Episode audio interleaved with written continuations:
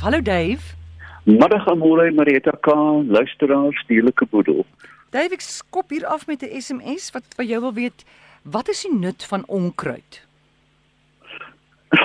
Ja, ehm um, kom kom ek uh, draai die vraag gou 'n bietjie om. Onkruid staan bekend as versteringspioniers. Is dit nie 'n mooi Ja. naam nie? Dit is hoekom onkruid langs paaie groei, want daar waar die grond versteur is. En mens kry ook natuurlik uh, indringers wat dit wat daai plekke inneem. Maar onkruid kan jou ontsaglik baie vertel van die kwaliteit en die toestand van jou grond. Nou, onkruid um, is nie v- v- inherent onkruid. Dit is eenvoudig 'n plant wat jy nie wil hê op 'n plek waar jy hom nie wil hê nie. Met ander woorde plante soos plakkieblaaar, misbredie, um, kissieblaar, distels is almal inheemse en meestal inheemse plante wat um, wat eenvoudig opportunisties optree. Hier maak jy 'n akkertjie en jy wil wortels plant. Wat kom op? Perdewortel, dandelion. Nou, daai dandelion is byvoorbeeld universeel. Dit kom reg oor die wêreld voor. Hulle hulle gebruik eenvoudig net mis wat jy gratis beskaf. En 'n onkruid is 'n eenvoudige plant wat jy um, nie noodwendig op 'n plek wil hê nie. My antwoord is eet jou onkruid. Meeste onkruidsoorte is ongelooflik voedsaam. Uh, Misbredie byvoorbeeld, um, het in die orde van 14% proteïene. Um, porselein, uh, nog 'n onkruid. Ek sê vanaand 'n bietjie op my Facebook oor die goed praat Ja. vanmôre. Um, ek van die hoogste vlakke van Vitamiin C van enige voedsel. Ek het hoeveel keer in Afrika gestaan tussen kinders wat sterf van die honger op 'n land van eetbare onkruid. En dan swaai jy die hele prentjie net daarom en sê begin eet die goed wat jy opstaan. So, um, my antwoord is altyd eet jou onkruid, moet hulle nie uittrek nie. Dis interessant. Goed, ons vat 'n oproep. Chanat, goeiemiddag. Goeiemôre Amorey. Hi, praat maar met Dave. Dis hy, dis hy ou met die mooi van wat praat, Andre Becker. O, oh, ek's mal oor jou. Dis hy. Nee, ek wil net vir Dave 'n vraag vra. Ek het nou gesien laasweek hierdie wit skoenlappertjies wat so vlieg oor die pad. Ehm um, sekere tyd van die jaar hierdie jaar. Hulle vlieg almal in een rigting. En ek wil net hoor, ek het gehoor hulle vlieg oos. Hoe weet hulle watter rigting om te vlieg en hoe werk dit presies? O, oh, genade, nou moet ek my in 'n skoenlapper bly brein begin indink. Enige dier, enige dier wat navigeer, met ander woorde wat sy pad vind, in 'n oos of wessuid of noord vlieg. Skus gou Dave. Aan- meneer Becker, ek gaan jou aan- groet. Ons soek 'n goeie lyn. Ja, praat maar Dave. Kan ek moet ek weer begin? Uh nee, toe maar jy kan maar net aangaan waar jy nou is. O, Sy motor het 'n geraas gemaak, ja? Ja. Enige dier wat beweeg, of dit nou 'n kat is wat straat afstap en dan terug huis toe kom, gebruik 'n aantal omgewingsimpulse om te weet een waar hy is en waartoe hy moet gaan. Nou ja, die klassieke voorbeeld is natuurlik wetvlugduwe. Hoe weet die stemme goed as jy hom in Beaufort Wes uitsluit dat hy moet terugvlieg Belwel toe, jy verstaan? Hmm. Uh, maar dit raak moeiliker by die by die eenvoudige brein van 'n insek. Nou een van die klassieke voorbeelde is die Amerikaanse monarg, die American monarch, wat elke jaar van Alaska in die noorde na na Baja Californië vlieg om daar te oorwinter. Nou dit is 'n kontinent wat hierdie miserabele goedjies oorvlieg. Um 'n aantal dinge wat hulle gebruik, een is die magneetveld van die aarde wat hulle 'n rigting gee.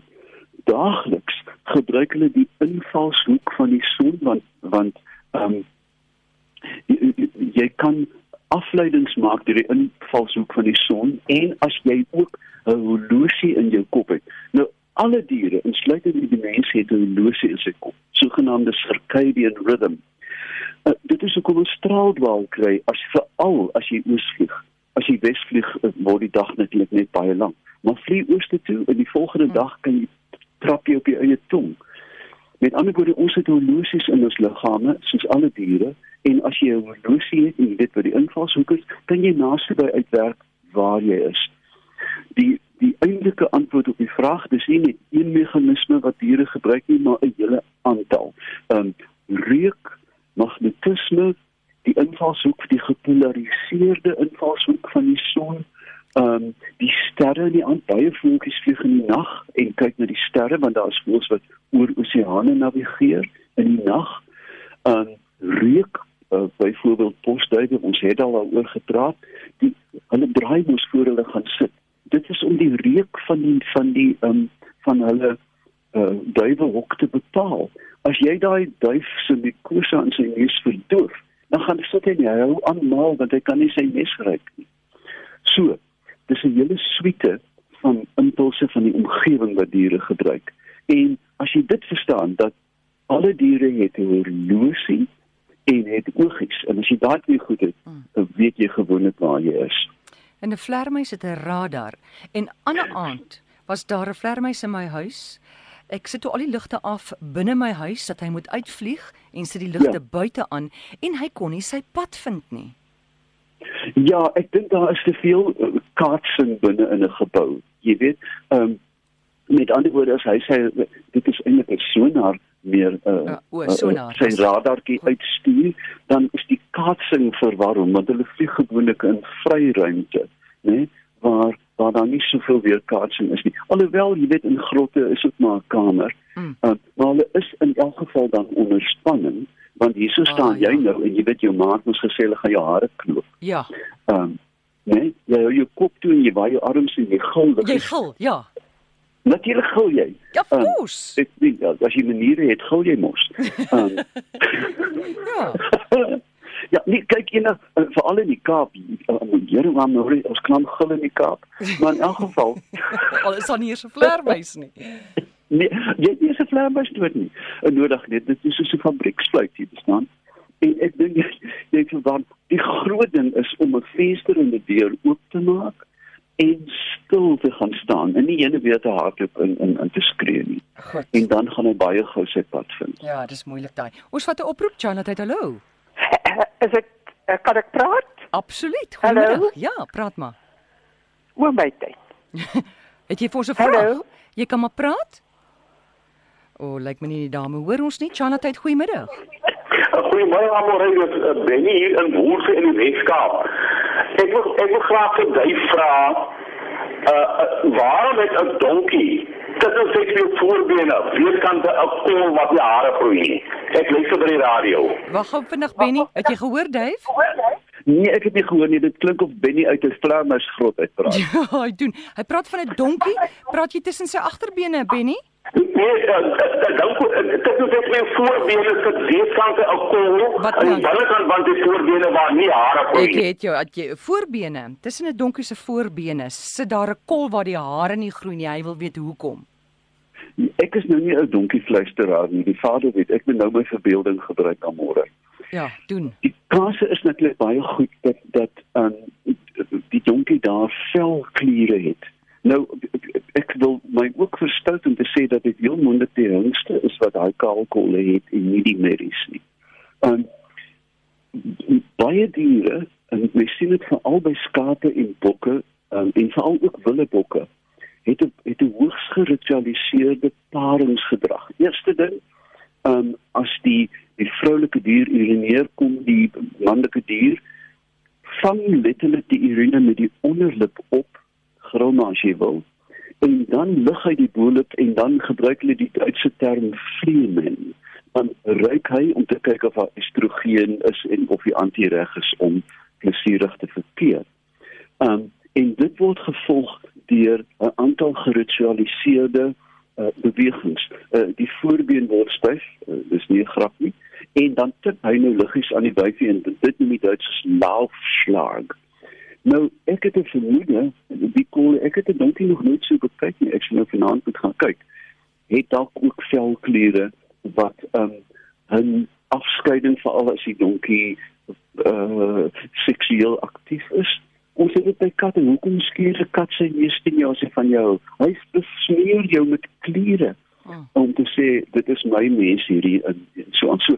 Ek het 'n vermoede dit doen met velafskeidings, maar ek sal teruggaan daarna en 'n uh, bietjie kyk op die internet navorsing doen en dit ook vanaand op my Facebookblad antwoord. Jaap wil weet of of daar nie dalk turbine in die twee seestrome langs ons kus geïnstalleer kan word om elektrisiteit op te wek nie.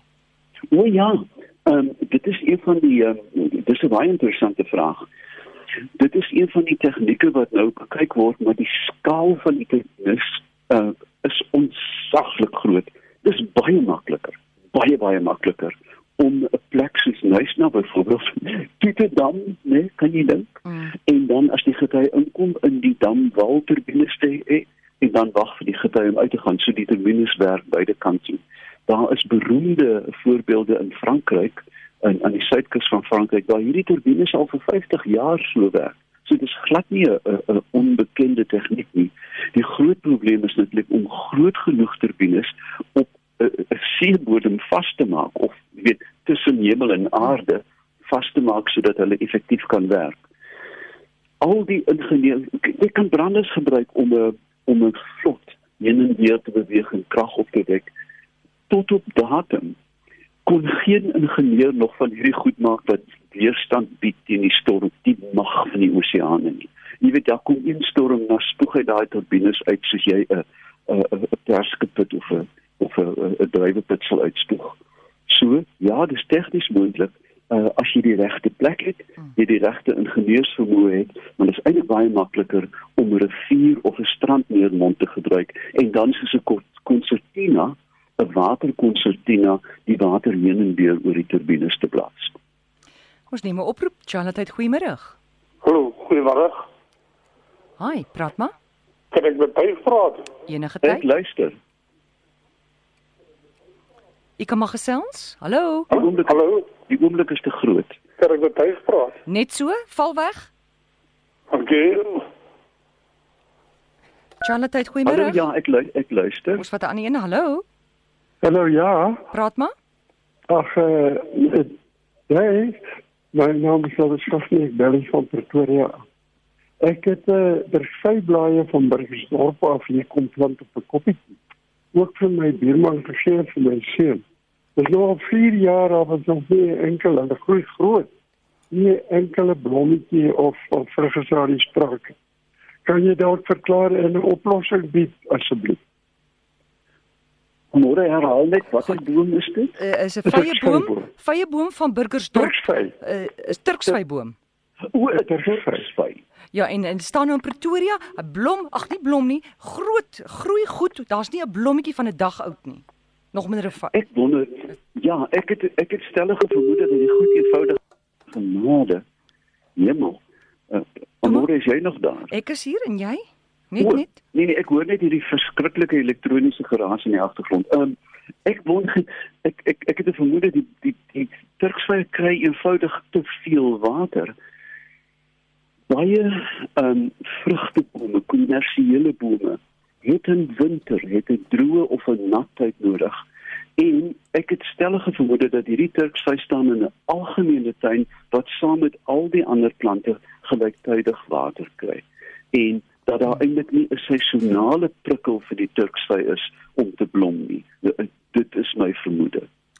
Te veel water. Te veel water. Goed, gaan dit help as Ja. hy hom net bietjie minder water gee, daai Ja, spesifieke ek Ja, kyk ek dink uh, ons praat nou van Gauteng-agtige gebied Mm. dat in in die winter wanneer jy 'n droë seisoen is om nie nat te maak nie dat hy saam met die omgewing ook daai impuls kry van seisonaliteit. Goed, soos wat mense ook maar nodig het, né? Ag ek- ek- nou praat jy. Jy weet, um, daar's die wonderlike skrywer E F EMF Kai Fisher wat geskryf het The Art of Eating. En sy het gesê, "Hoekom moet jy 'n ding invoer as jy kan wag vir die eerste aardappel? As jy kan wag vir die eerste arbeid, as jy kan wag vir daai eerste pluksel?" En ek dink ons is besig om ons verbintenis met die aarde en die ritme van seisoene totaal te versteur met die beskikbaarheid van enige ding op aarde enige dag van die jaar. Um ek onthou as kind, jy weet, as jy dan die aand sê vir jou ma vir jou, ons kan aardappels uithaal en jy gaan met 'n tuinvurk en jy haal al daai klein aardappeltjies en jy kook hulle so in hulle velletjies uh met met goudgeel botter. Jy weet, dis 'n viering van die jaargety. Absoluut. Praat jy. Dave, baie dankie. Onthou tog nou om die inligting vir ons op te sit oor Die, ja, dit was die donkie, uh, was die een wat het ander ek beloof onkruid. soveel goed aan môre. Die onkruid. die donkie. die onkruid in die Goed. donkie, ja. Onkruid wat 'n mens Ja, kan eet. Dankie vir daai nuwe gedagte. Lekker. Ek maak so, ek wil praat weer met julle volgende week. Lekker aan. Dankie Selle, dit is Dave Peppler.